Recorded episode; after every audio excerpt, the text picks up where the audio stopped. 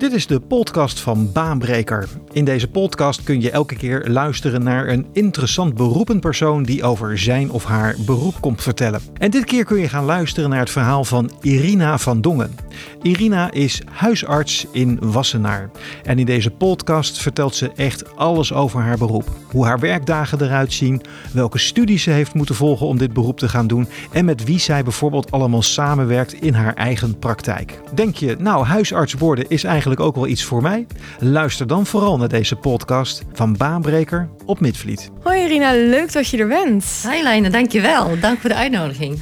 Uh, dus gelijk mijn eerste vraag. Hoe lang ben je al werkzaam als huisarts? Ja, ik ben al 13,5 jaar uh, werkzaam als huisarts. En uit hoeveel patiënten bestaat jouw praktijk? Uh, kleine 2600. Zo, een kleine 2600. Ja, kleine 2600. Behoorlijk ja. veel mensen. Juist, ja, klopt. Uh, en met wie werk je als huisarts samen? Met wie run je deze praktijk? Nou, ik ben de praktijkhouder. Ik heb uh, collega uh, Nico Groot, zeer ervaren huisarts, die al eigenlijk langer dan 35 jaar huisarts is. Hij heeft net zijn praktijk overgedragen, zijn praktijk in Den Haag, en die helpt ons voor twee dagen in de week. En um, ik heb ook huisarts in opleiding.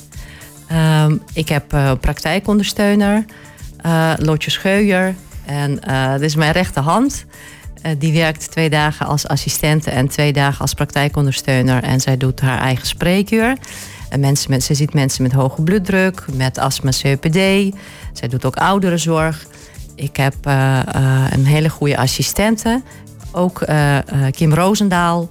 En zij werkt drie dagen in de week. En er werkt nog bij ons een psycholoog, Nicolette van Belen twee dagen in de week. En uh, ik, werk, ik heb ook uh, diëtiste die bij ons werkt maandagochtend om de week. Dus wel. Flink team. Flink team, juist. Ja, ja. Hartstikke leuk. En waar bestaan jouw werkzaamheden als huisarts uit? Um, met name um, het grootste deel is patiëntencontact. Uh, er zijn consulten, visites, telefonische consulten, uh, kleine verrichtingen, bijvoorbeeld uh, moedervlekjes weghalen of kleine verrichtingen, gynaecologische verrichtingen, bijvoorbeeld spiraaltje inbrengen. Um, ook nog administratie natuurlijk.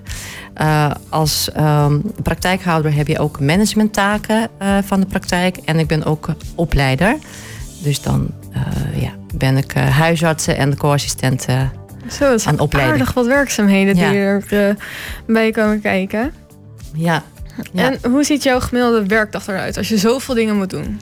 Nou, je begint in principe met uh, consulten.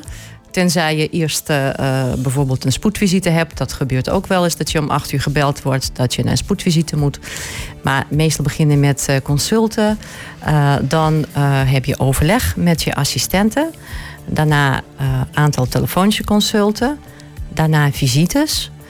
Um, na visites of net voor visites heb je ook nog uh, overleg met uh, wijkverpleging, met thuiszorg, met praktijkondersteuning, bijvoorbeeld geestelijke gezondheidszorg of praktijkondersteuning somatiek. Um, ja, met fysiotherapeuten bijvoorbeeld. dan kun je gaan lunchen als je geluk hebt, als je dan niet te veel overleg hebt. En daarna begint de middagspreekuur ook weer met consulten, overleg met je assistenten en dan met uh, visites. En daarna uh, doe ik uh, post nakijken en de uitslagen ook. en dan mensen bellen met de uitslagen. Jeetje. En dan maak ik een plan. Ja. Maar, maar hoeveel mensen zie je dan bijvoorbeeld op zo'n dag? Nou, met coronatijd veel minder. En dan zijn er minder fysieke contacten, maar veel meer telefonische contacten. Ja. Maar voor de coronatijd um, ja, ongeveer 25, 30 consulten op een dag. Met uh, twee, drie visites. Ja. Dat is echt veel, hè? Nou, hoe ziet jouw werkdag eruit als docent? Uh, nou ja, veel, ik, veel korter, denk ik, hè? Ja, maar ik zie wel heel veel studenten natuurlijk, hè? Dus, dus daar kan je het wel een beetje mee vergelijken. Maar ik zie ze allemaal tegelijk.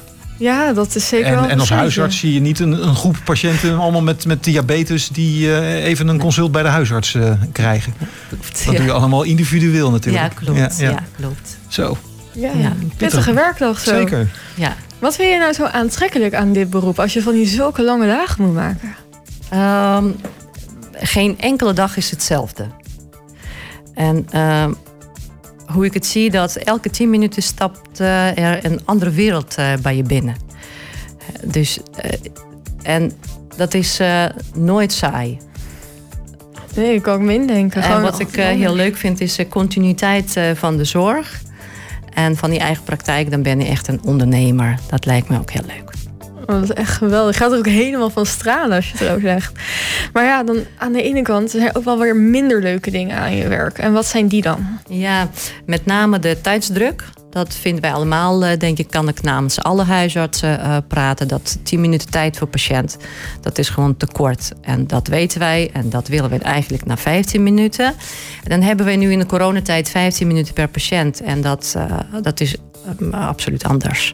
Dat willen we allemaal daar naartoe, naar 15 minuten. dus de tijdsdruk, um, agressie, wat ik nooit in mijn praktijk heb nog meegemaakt, maar wel op de huisartsenpost. Ehm, en dat je dan ook niet iedereen kan helpen. Bijvoorbeeld mensen met ernstige ziekte. En dan voel je wel machteloos. Dat kan ik me helemaal indenken.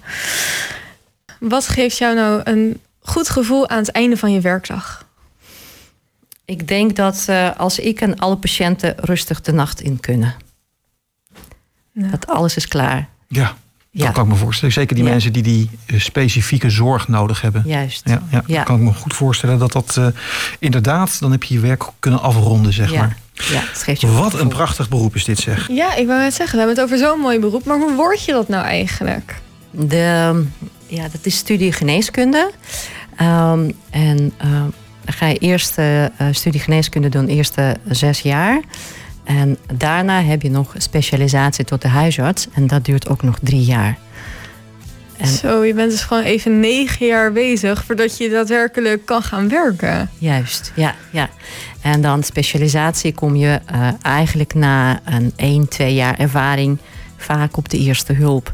Dus eigenlijk als je alle jaren bij elkaar telt, inderdaad, dan ben je 10, 11 jaar verder.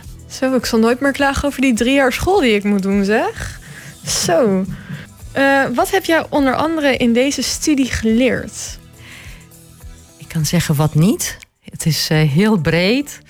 Um, zeker medische kennis over uh, menselijke lichaam, over gezonde lichaam en over ziektes. medicatie, omgaan met patiënten, anamnese, lichamelijk onderzoek, tijdsmanagement ook. Ja, als je zoveel mensen moet zien op een dag, dan lijkt het een hele goede skill om te hebben. Zeker, zeker. Uh, dus waar heb jij zelf je praktijkervaring, dus je kooschappen opgedaan? Ja, dat heb ik in uh, Bronnevo ziekenhuis, in Lijnburg ziekenhuis, in LUMC kooschappen gelopen. En hoe zien die kooschappen er dan uit? Ehm, uh, je, eigenlijk wat doe je tijdens uh, kooschap inderdaad? Je uh, gaat meekijken bij diverse specialisten. je gaat ervaring opdoen, kennis toepassen en praktische handelingen leren, wat je dan kan daarna later ook toepassen in je eigen praktijk. Oké. En je leidt zelf ook op, dus je weet vast ook wel een beetje hoe de studie er tegenwoordig uitziet. Ja, dat klopt, inderdaad. Het meer. Uh, um, eigenlijk eerste jaar uh, doen ze uh, stage in de huisartsenpraktijk. En dan werken ze als uh, huisarts in opleiding. Ze zien ook patiënten, ze doen ook consulten, visites ook. Nou, wat ik heb toen genoemd. de tweede jaar, ehm, eerste zes maanden stage het spoedeisende hulp. En drie maanden verpleeghuis drie maanden GGZ. En de derde jaar doen ze weer stage in de huisartspraktijk. Zo. En uh, waar kun je dan in onze regio uh, de studie volgen? In uh, Leiden en in uh, Rotterdam. En welke persoonlijke eigenschappen heb je nodig om een goede huisarts te zijn? Ik denk het belangrijkste is betrokkenheid, nieuwsgierigheid, empathie en geduld. Zo. Ja, dat zijn er een hoop, hè? Ja, ja. Ik, uh, normaal zitten ze hier, dan noemen ze twee, drie dingetjes op. En er komt toch best wel wat bij kijken. Ja. Ik denk dat je heel veelzijdig moet zijn om uh, huisarts te zijn. Ja, dat denk ik wel. Het is natuurlijk ook, als je kijkt naar de medische wereld, de huisarts weet eigenlijk alles. Heel veel. Ja, En ben je specialist, ben je chirurg, dan weet je ook heel veel. Maar dan weet je vooral alles op het snijdende gebied, zeg maar. Juist. Dus dat maakt het werk van een huisarts natuurlijk heel uitdagend en heel veelzijdig inderdaad. Juist. Letterlijk. Ja, ja heel breed. Ja. Uh, deze praktijk is uh, jouw eigen praktijk. Uh, wat heb je moeten leren om je eigen praktijk op te kunnen richten? Ja, een goede vraag. Ik heb in het derde jaar hebben alle huisartsen een opleiding krijgen managementcursus. En inderdaad, dan leren ze hoe je eigen praktijk moet opzetten voor de overname van mijn eigen praktijk heb ik met voormalige huisarts dokter Vonk drie jaar samengewerkt. En eigenlijk veel van hem geleerd ja, van praktijkorganisatie. oh, dat is geweldig. Ehm, stel dat je geen huisarts zou zijn, welk beroep had je dan graag uit willen oefenen? Kinderarts. Ja, kinderarts? Kinderarts, ja, absoluut. Dus toch in dat medische wereldje? Ja, toch in het medische wereldje, ja. ja, ja. Ja, ik vond kinderartsen vroeger echt geweldig. Dat zijn altijd zulke gezellige mensen. In ieder geval als ik erbij op afspraak moest. Ik weet niet of het bij anderen zijn, maar ik vond het altijd leuk. Als je zo naar deze, deze huisarts kijkt, dan, dan zie ik daar ook wel kinderartskwaliteiten in, denk ik. Oh, dat zeker, ja. Dat wat je zegt, heel rustig, heel... Uh, ja. ja, en gewoon een fijn gevoel als je erbij zit. Hoe is het om als huisarts in coronatijd te werken? Ja, de structuur is anders. Wij hebben veel minder uh, consulten, dus minder fysiek contact, maar wel veel meer telefonisch contact. We krijgen ook heel veel uh, vragen uh, over corona, over COVID inderdaad en over vaccinaties de laatste tijd. Ja, er zijn natuurlijk heel veel vragen rondom. Nou ja, je zei al gewoon doen die prik als je het Absoluut. krijgt. Ja. En we hadden, gisteren hadden we hier een collega van je, Peter Ottegraf, hadden we mhm. hier in de studio die uh, uitgebreid bij mijn collega Hans Biart in uh, Midvliet Actueel het verteld heeft over zijn werk tijdens uh, coronatijd als huisarts. En als mensen dat willen terugluisteren, kan dat via de website. Dan kun je het interview terug, terugluisteren. En dat was een indrukwekkend verhaal.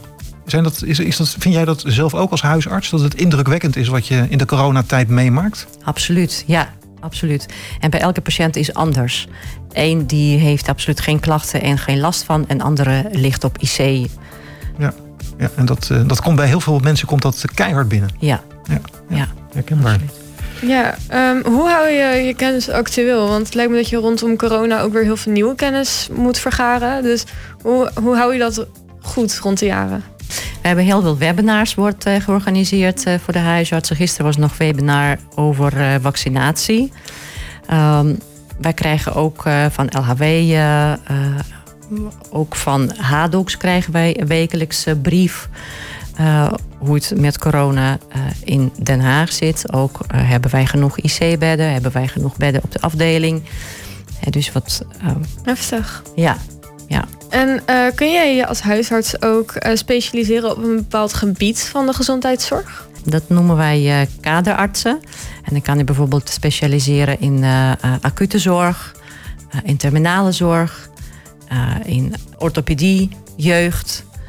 Ja, zeker. Verschillende specialisaties. Ja. En ben jij ook in iets gespecialiseerd? ik doe meer gynaecologie en kinderen. Ik plaats spiraaltjes voor mijn praktijk, maar ook voor twee andere praktijken. Ja, maar kaderartsopleiding nog niet. Er komt toch weer wel weer een beetje dat kinderarts eh, naar boven, ja, wat je anders had willen worden. Ja, Leuk hoor. Ja, uh, Op welke manier worden jouw inkomsten als huisarts gere Zo, wat staat daar nou? Gegenereerd. Zo, ik kwam er even... Dat is een prachtig woord, hè? Het kwam even mijn mond niet uit. Ik denk, we hebben een huisarts. Laat ik eens een moeilijk woord gebruiken. Die huisartsen doen dat de hele dag. Laat ik het woord gegenereerd is beschrijven. Moeilijk. Ja, ja. ik weet wel wat het betekent, maar de uitspraak was wat minder. Ja, op, op zijn Haag zeggen, hoe kom je aan je centen? ja, zo mag je het ook stellen. Hoe kom je aan je centen? nou, uh, ik uh, ja. probeer eens uh, ons daarin mee te nemen, Irina. Hoe, hoe verloopt dat? Ja, weer inderdaad zorgverzekeraars. Dat is de meeste inkomsten van, van de huisartsen.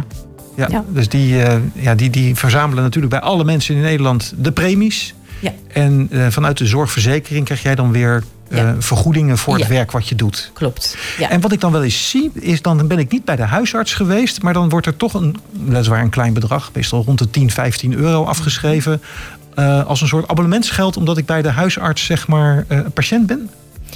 Dat, dat is inderdaad abonnementsgelden. dat, dat wordt één keer per kwartaal. Ja.